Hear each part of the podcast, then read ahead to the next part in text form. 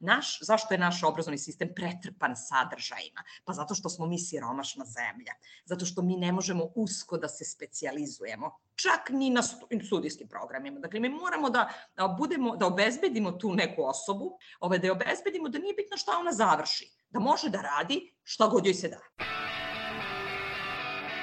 Suština je u traženju znanja um, i, i suština je da, da vi, naravno, prvo pružate znanja, onda da ga tražite, a ne u traženju neznanja.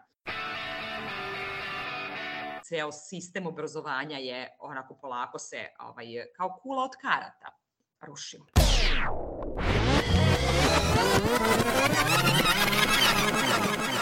Radio Karantin Dobrodošli u novi Radio Karantin. Kada govorimo o emigracijama, neophodno je da se osvrnemo na fenomen odliva mozgova, odnosno odlaska najtalentovanijih ili najobrazovanijih u druge zemlje ili, što je takođe često, ali ne toliko zanimljivo za nas, u druge delove unutar rodne zemlje. Da li Srbija i druge zemlje bivše Jugoslavije imaju problem sa odlivom mozgova? Nesumnjivo je da će obrazovani tražiti najbolje prilike za sebe tamo gde mogu da ih nađu i da je za mnoge to van granica rodne zemlje. S obzirom da su obrazovani, uglavnom im je lakše da odu jer gotove stručne kadrove svi žele. Da li je zato odlazak na studiranje u inostranstvo zapravo za mnoge ulaznica u novi život i novu zemlju? Ja sam Aleksandar Kocić i u današnjem radio karantinu o tome razgovaram sa Milicom Vasiljević-Blagojević, profesorkom na Visokoj zdravstvenoj školi u Zemunu. Ona u jednom svom naučnom radu posvećenom ovom fenomenu kaže da su posljedice odliva mozgova dodatno pogoršanje položaja nerazvijenih zemalja i dalje smanjivanje mogućnosti za njihov ekonomski razvoj sa znatnim finansijskim gubicima s obzirom na to da se država pojavljuje kao glavni finansijer mladih stručnjaka u procesu njihovog obrazovanja. Procene zato kažu da je odliv mozgova do negde 2015. koštao Srbiju 12 milijardi evra. S druge strane, dolazak mozgova poboljšava poziciju razvijenih zemalja, jer tamo se najviše ide, i dalje povećava njihov razvojni potencijal. Prema istraživanju Instituta za sociološka istraživanja Filozofskog fakulteta u Beogradu, 90. godina iselilo se oko 5% ukupnog stanovništva Srbije, a izrazitu većinu, čak 91%, činile su osobe mlađeg i srednjeg uzrasta, najčešće studenti i oni sa visokim obrazovanjem.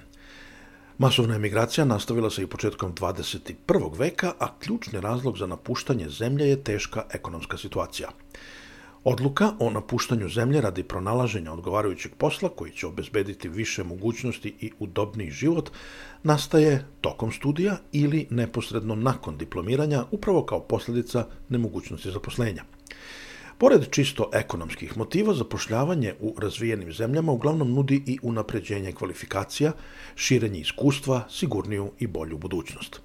Prema izveštaju Svetskog ekonomskog foruma iz 2011. godine, Srbija je po odlivu mozgova tada bila drugoplasirana u svetu od 133 zemlje obuhvaćene istraživanjem, samo Gvineja Bisao gubila je veći procenat visokoobrazovanih ljudi. U tom periodu Srbija je bila jedina evropska zemlja u kojoj je broj visokoobrazovanih bio u padu.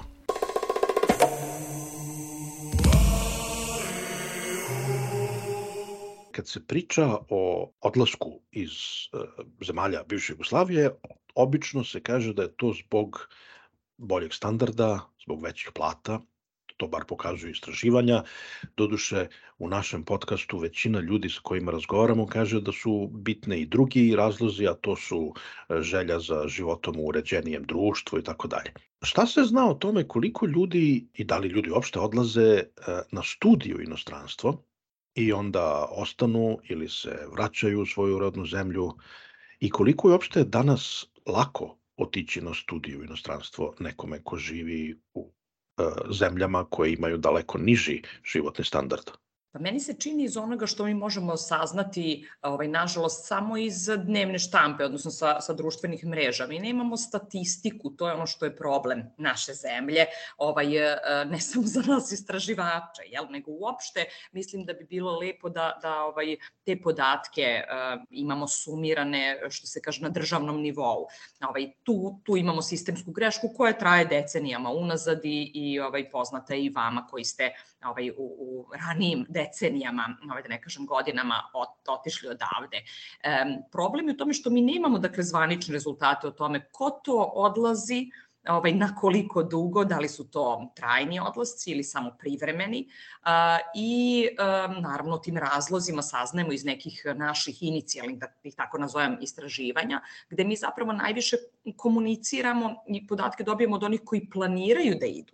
Dakle, mi nemamo bazu, bilo bi vrlo zanimljivo i to bi trebalo, ovaj, što kaže, mi stalno razmišljamo o tome, kolege moje i ja koji smo ovaj, u tom nekom sistemu vezanom za medicinske sestre, koje su vrlo specifična, sad jedna kategorija ovaj, koje su dobrodošle svuda.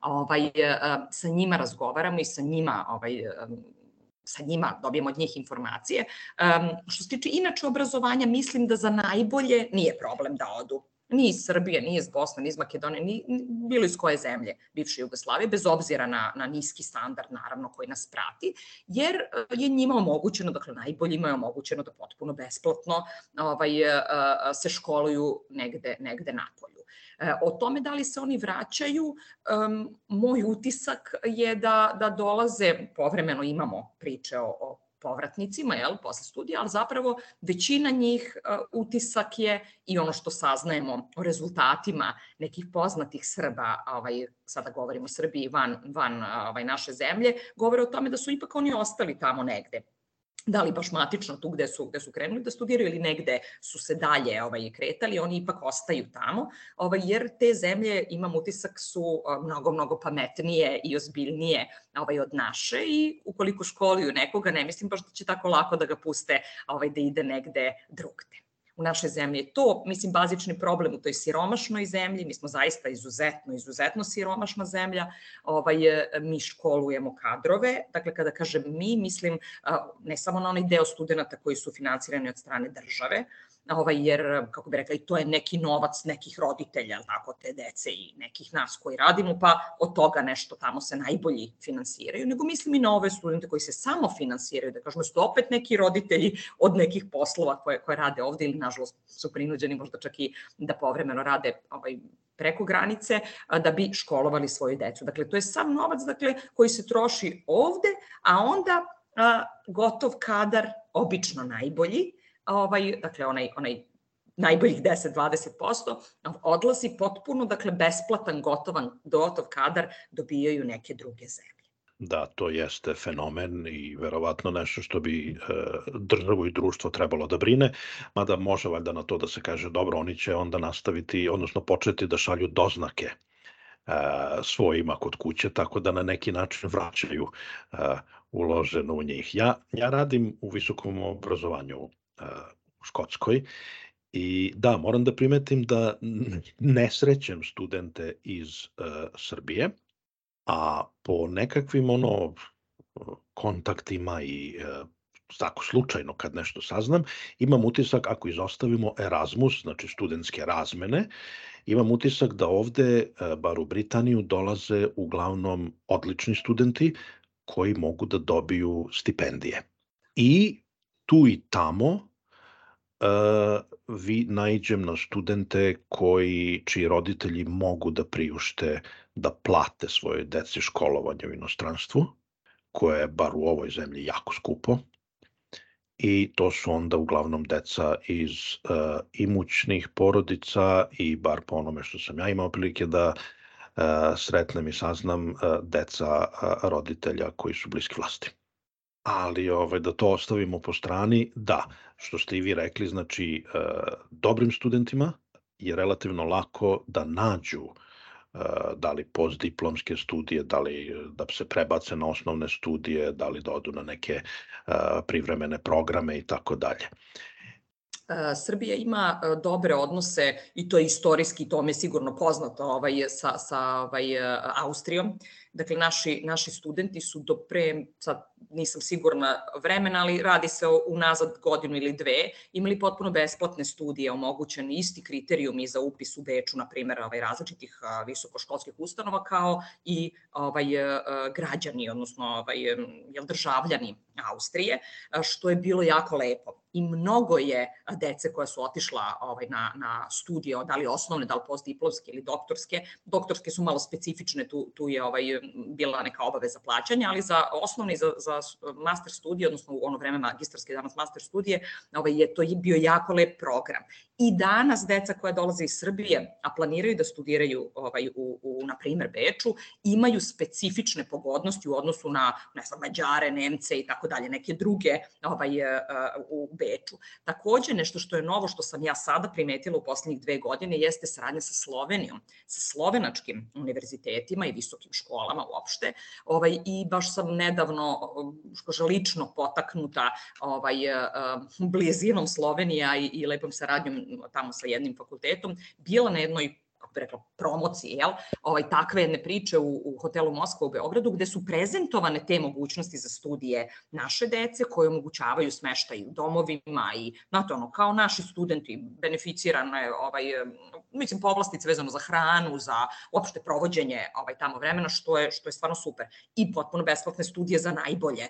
Ovaj, tako da, eto, to je nešto što sam ja novo, novo saznala, ta Slovenija svakako se otvorila i to je i normalna stvar. Da, da, evo, kod nas, e, pošto mi smo ovde pucali sami sebi u nogu sa Brexitom mm. i, o, i onda se i smanjio e, broj stanih studenta, zato što i država daje teže sada vize i tako dalje, pa se onda univerziteti jako bune jer to sad uh, im umanjuje prihode. Naravno. Ali sa druge strane, baš nakon Brexita je država donela odluku da studentima iz inostranstva koji dođu ovde da studiraju omogući da ostanu posle diplomiranja, ja mislim, dve ili tri godine, mhm. ako nađu posao. Sa idejom da jednom kad su našli posao, oni će verovatno onda ostati i duže ovde. Tako da ono o čemu ste malo prepričali, država pokušava da, zaš, da zadrži ovde strance, pogotovo u onim strukama, u onim profesijama koje su trenutno tražene Je, deficitarno, naravno. A o vizama znam, evo iz privatnog, jer moja čerka planira na leto da ide ovaj, da uči kao engleski, znate, na neke dve nedelje u Londonu, znači samo bubreg što nismo vadili, sve ostalo smo ovaj, pripremili. Tako pa da nemojte da, u London, šaljite negde drugde. Pa sad, ove godine ovako, ili ovo je sigurno, ona je mala, jako 16 godina tek ima, tako da je da, ovo, ono, sad da. pa idu i neki nastavnik i nešto, tako da je sve ovaj, ukup, da. ukupnom ovaj, organizaciji. Malo se plašimo, znate, nije, nije baš prijatno. Da, da. Neko manje mesto jer je jeftinije. A vi radili i istraživanja sa ljudima koji se vrate u Srbiju. Da li znamo nešto o njihovim, o njihovim iskustvima nakon obrazovanja u Srbiji i inostranstvu? Jer kad kažem inostranstvo, pretpostavljam da se obično misli na zapadne zemlje, mhm. gde se najviše odlazi, Da li nešto znamo o tome kakvi su, e, kakvi su njihovi utisci, o kakvim razlikama mi govorimo, ako uopšte postoje razlike između obrazovnog sistema u Srbiji i nekih drugde? Da, svakako postoje, svakako postoje. Ovaj, ja često o tome govorim studentima. Svi mi znamo nekog, sad je došlo takvo vreme da bukvalno s kim god stanete da pričate, svako zna neko ko je otišao, tako? I tu nema priče, nekog sebi bliskog, dakle drugara, srednja škola, kolegu, rođaka, nebitno je. Ovaj, I utisci su uvek ti, ta priča, pogotovo kada je Amerika u pitanju, jel, onda se priča, ja, pa tamo on dođe, bio prosečan, ode tamo genijalac. To je ono najčešća priča, kako se on fino snašao po ovi klinci što idu četvrtu godinu u Ameriku, ovaj, da bi se ovde posle vratili sa određenim, naravno, i znanjem i iskustvima, ali i omogućili sebi da bez prijemnih ispita upisuju neke fakultete koji možda malo su zahtevniji, jel to naša, naš, naš ovaj, sistem ovde omogućava. Ovaj, oni su uvek u priči pazite, to su ipak deca koja su ipak sposobnija, bolje znaju jezik i tako dalje, ali se vraćaju sa pričom, bože, kako je tamo lako, pa to je smešno, mi tamo odemo, ovaj, razbijamo, jel? Ovaj, svi gledaju nas kao bogove. Suština cele priče je u količini sadržaja. Dakle, definitivno, tu nema ništa, kako bih rekla, što je, što je drugačije. Naravno da i pristupi učenju su drugačiji, ali sve zbog toga što se uh, usvaja mnogo manja količina bukvalno kad bi na kilo merili sadržaja koji se pružaju. Naš, zašto je naš obrazovni sistem pretrpan sadržajima? Pa zato što smo mi siromašna zemlja. Zato što mi ne možemo usko da se specializujemo. Čak ni na studijskim programima. Dakle, mi moramo da, da budemo, da obezbedimo tu neku osobu, tako je, vidim da je takvo stanovište, ove, da je obezbedimo da nije bitno šta ona završi, da može da radi šta god joj se da. A to može samo neko ko je, kako bih rekla, malo šire i malo više ovaj, sadržaja ima usvojenih.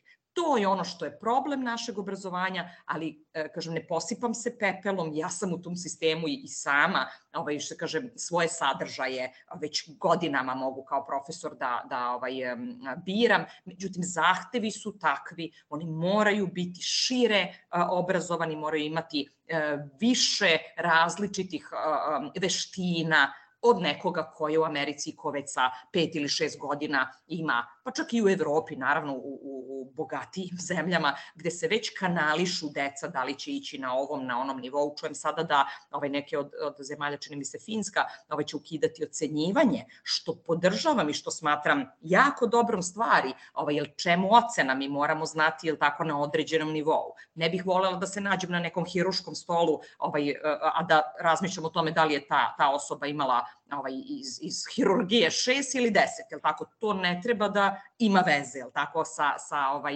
sa, sa ishodom, na primjer, moje operacije.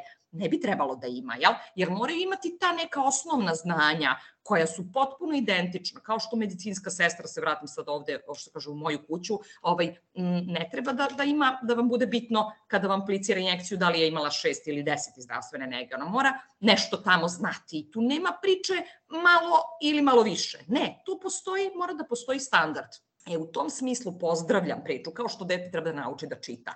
Jel tako? Ok, neko će biti na recitatorskoj sekciji, izraženo će čitati, ok, to neka bude nešto tamo posebno i drugačije, ali svako mora biti opismenjen da ume da pročita. Ono što je tužno, naravno, ovde, što pokazuje rezultati ovdašnjih istraživanja o našoj funkcionalnoj nepis, nepismenosti, o tome da 40% našeg naroda je funkcionalno nepismeno, dakle, čita, piše odlično, ali ne razume pročitano ili veruje u sve jel, što je pročita ili čuje. Tako da ovaj, to su sad neke druge, druge teme. Ja mislim da je problem zaista u količini sadržaja, ali naravno i u pristupu u pristupu radu, ovde je zaista sada, mislim, prosto, ovaj, ja nisam neki sad poseban ovaj, borac za, za pravdu, ali ne mogu da na ovom mestu ne prokomentarišem to da, da je ovde ovaj, nama prosvetni radnici su ovaj, skrajnuti i nažalost u poslednjoj deceniji, da kažem, ajde da odvojim poslednju deceniju, zaista negativna selekcija i u tom smislu kadrova.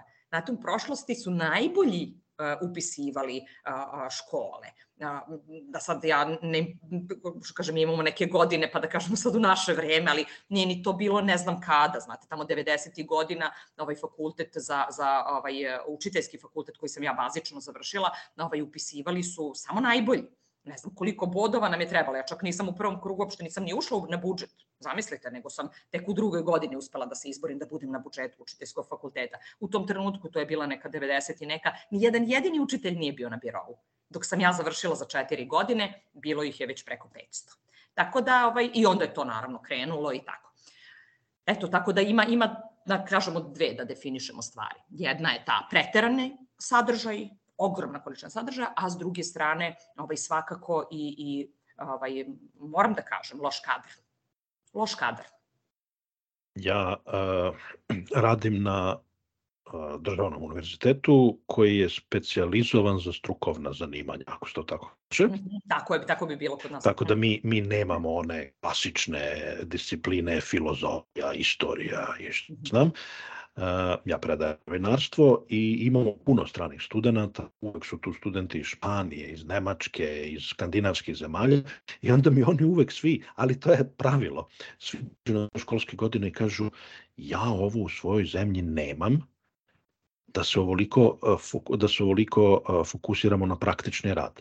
Nego su to predavanja u onim uh, amfiteatrima, a ovde mi zaista to forsiramo Pa je sad tu naravno i ono debata da li je to dobro, da li nije dobro. Moj univerzitet, na primjer, ukinuo ispit. Mi ocenjujemo i dalje ali kroz praktični rad isključivo neke ispite a, ili kroz nekakve prezentacije, grupne projekte i tako dalje. Tako dalje, što sve nama koji predaje, naravno, dosta onda otežava posao, jako puno da se ocenjuje, a studenti to naravno mnogo više vole. Ali to mi je nekako ono utisak da, ovaj, da, da nas strani studenti uvek izdvajaju po tome uh, koliko, se, koliko se fokusiramo na praktični rad.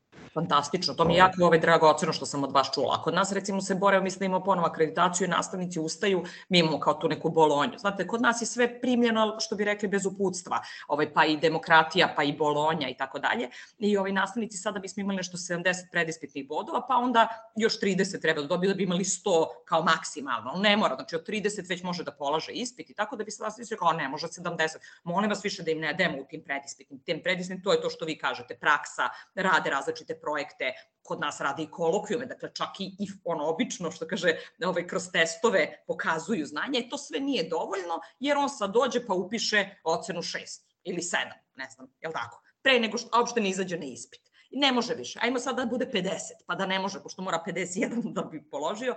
Ma mislim, znate, prosto nemate, nemate to, to, taj senzibilitet ljudi koji, koji suština je u traženju znanja um, i, i suština je da, da vi, naravno, prvo pružate znanja, onda da ga tražite, a ne u traženju neznanja. Ovaj, ali dobro, to su neznalice, znate, kad je, kad je ovaj, znanje sasvim malo, jedan mali kružić, onda je, ovaj, kad je znanje malo, onda je i neznanje malo kako se znanje širi, jel tako, i neznanje se sve više širi. Tako da uvek imam utisak da ovi što misle da puno znaju zapravo su u maleckom krugu koji, koji ovaj, ne razumeju koliko im je neznanje. Da li se zna nešto o tome koliko studenti iz Srbije odlaze u susedne zemlje? Naše istraživanje pokazalo da, da ovaj, iz naše zemlje svakako ovaj, prva zemlja koju se, ovaj, prema kojoj se gravitira i prema kojoj postoji raspoloženje je Slovenija. Slovenija je taman dovoljno daleko, ovaj, ono, ne previše daleko, a s druge strane bliska je obzirom na male jezičke razlike, relativno male odnosu na druge jel, jezike koji su potpuno različiti. Ovaj, I taj senzibilitet taman je toliko koliko ovaj, čini mi se našim, našim mladima odgovara. Tako da je priča o odlasku u Sloveniju nešto što, o čemu sam ja slušala. Za odlazak u Hrvatsku ne znam, zaista nisam čula. Ovaj, ova priča sa povremenim odlascima više vezana su za rad, kada je Crna Gora u pitanju, na primer, ovaj, to su neki sezonski poslovi, tako dalje, ali za studije nisam, nisam čula, zaista. Stalno se priča o problemu odliva mozgova. Da li ga Srbija ima? Da li visoko obrazovani, dobro obrazovani mladi ljudi zaista odlaze u brojevima koji treba srpsko društvo brinu? ja sam uverena da su to brojevi koji, koji bi trebalo da brinu naše društvo.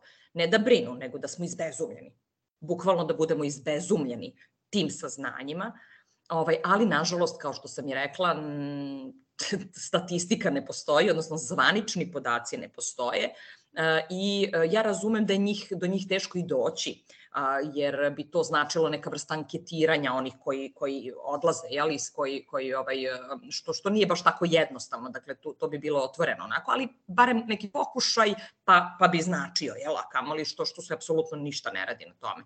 Mislim da su brojke zaista katastrofalne, da mislim da ono što mi, opet da se vratim na taj sistem koji, koji ovaj, ja delimično poznajem, to je zdravstveni sistem, je u velikom problemu, um, kako bi rekla, u redu je da budemo onako iskreni. I kad obrazovanje malo zataji, da ne pričamo o, o menadžmentu ili, ili ovim nekim ekonomskim stručnjacima, pa iako nam zafale, ovaj, nemaju puno para da rade, pa nešto mislim nije ni veliki problem, ali zdravstvo zaista je drama. Ja sam pre neki dan ovaj, bila u situaciji sa jednom ovaj, bivšom svojom studentkinjom u kontaktu da budem ovaj, iz nekih razloga koji su, koji su bili privatne prirode. I ona rekla, profesorka, mi smo u prošloj nedelji, radi se o jednom odeljenju kliničkog centra Beograda, Srbije, ovaj, izgubili deset sestara. Dakle, deset sestara je za sedam dana napustilo, tražilo. Ja znam šta je sa nama, nama kako traže u školi. Nama na mesečnom nivou stiže 15-20 zahteva za nostrifikovanje diplome.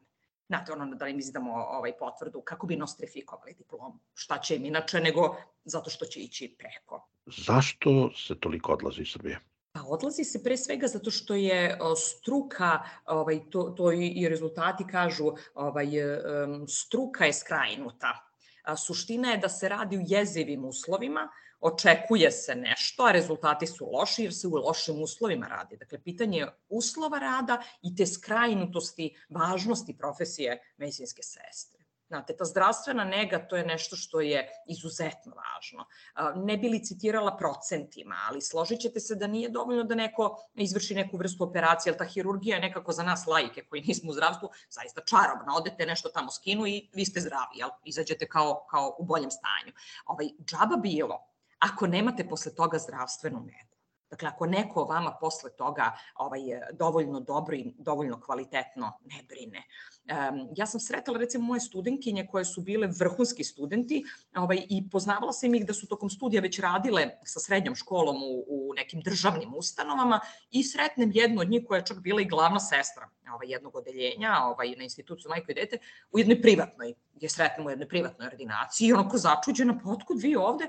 Ona kaže, ja više nisam mogla da radim u tim uslovima. Ja više nisam mogla u nesterilnom da radim, nisam mogla bez rukavica, da kupujem sama materijal, zaista više to nisam mogla da podnesem. Ovde kao barem imam taj osnovni neki nivo ovaj, sredstava za rad a plata, kaže, nije neka drastična razlika, više mi je bilo zbog toga da ne mogu da gledam više ono, to, to, to, to bespuće i taj ušas. I to je zaista tako. Mislim, to svako izveštava ko je, ko je ovaj, što kaže, pogotovo ko nešto malo zna o zdravstvu, ovaj, gde god se nađe, to je zaista, mi dotičemo, mislim, ispod nas smo već a broj se stara je sve manji. Ovaj, takođe jedna koleginica nam kaže nedavno da oni imaju tu priču sa zapošljavanjem negovatelja, negovatelji sad više praktično ni ne postoje, naravno nema ih na birovu, svi su zaposleni, oni kao brinu o nekim najosnovnijim ovaj, dakle, stvarima uh, vezano za, za pacijente, ovaj, ali dešava se da negovatelj, tako znači koji ima osam razreda osnovne škole, i tu priču sam čula, ovaj, ostaje sam, bez sestara i bez lekara ovaj, tokom noći sa pacijentima. Jer ih nema. Mislim da ode bolje iko da ostane, jel, nego, nego niko. Oni ih tu nekako obuče, pa sa ko je malo vešti, ko, mislim, to je, verujte mi, kakva ratna hirurgija ovo je, ovo je znači stvarno jedno, jedan, jedan, ja mislim da smo mi stvarno dotakli onako baš jedno ozbiljno dno.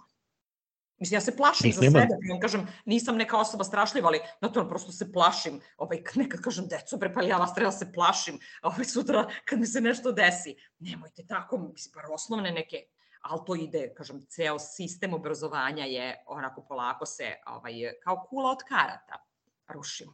Njih, njih nema nigde. I zapadnim zemljama isto nedostaje i oni uvoze iz zemalja kao što je Srbija, a nema dovoljno. Ovde i neki veliki i zdravstvenih radnih opte i pre svega negovatelj. Da, a, meni zašto? Se pre neki pa zato što su malo plaćeni, jel, jel nema novca?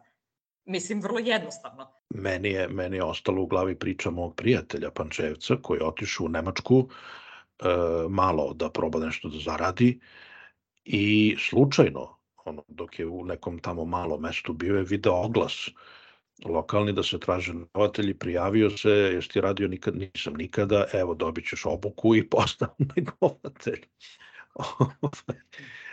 Maron vidim e, da je oni imaju one takozvane zdravstvene, kako se to kaže, medicinske pustinje, delove zemlje gde nema zdravstvenih radnika, daje lekarima po 50.000 evra bonus samo da pređu tamo da žive i da rade.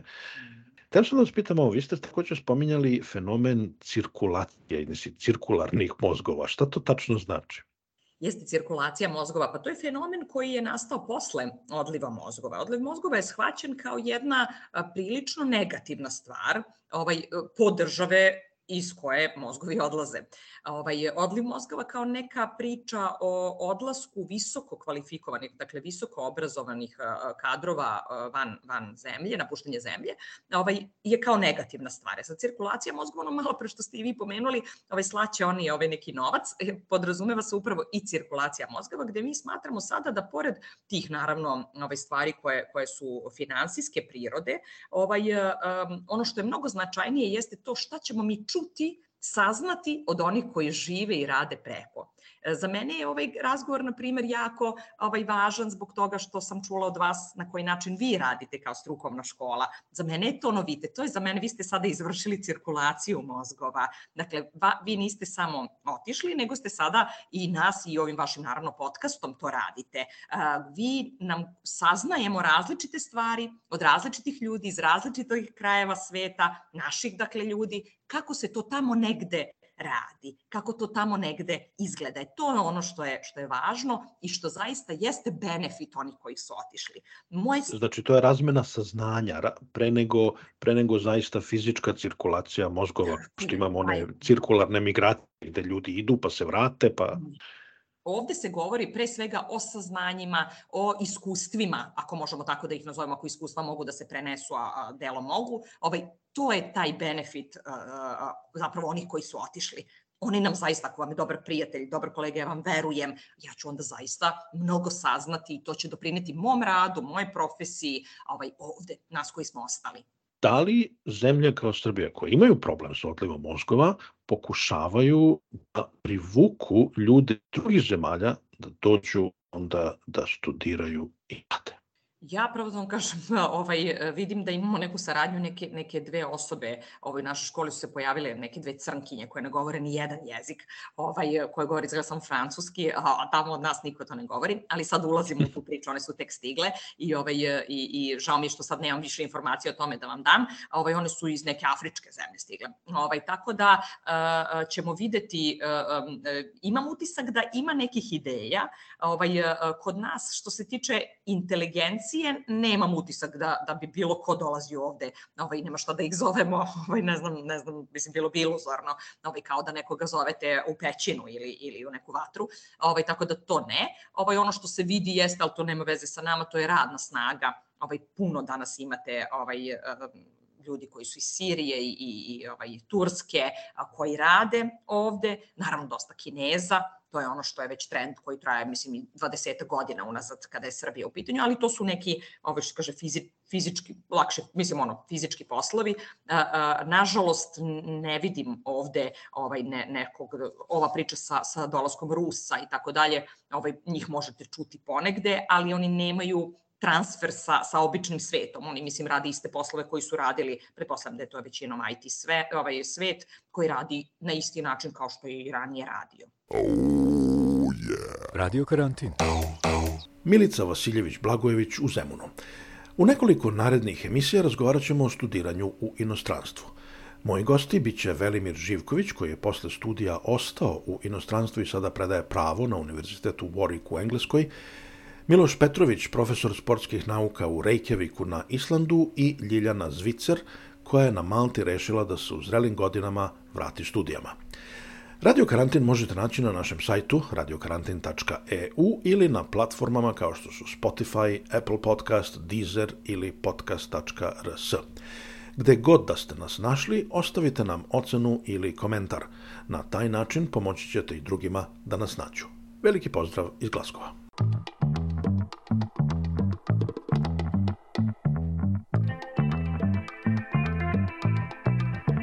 Radio Karantin.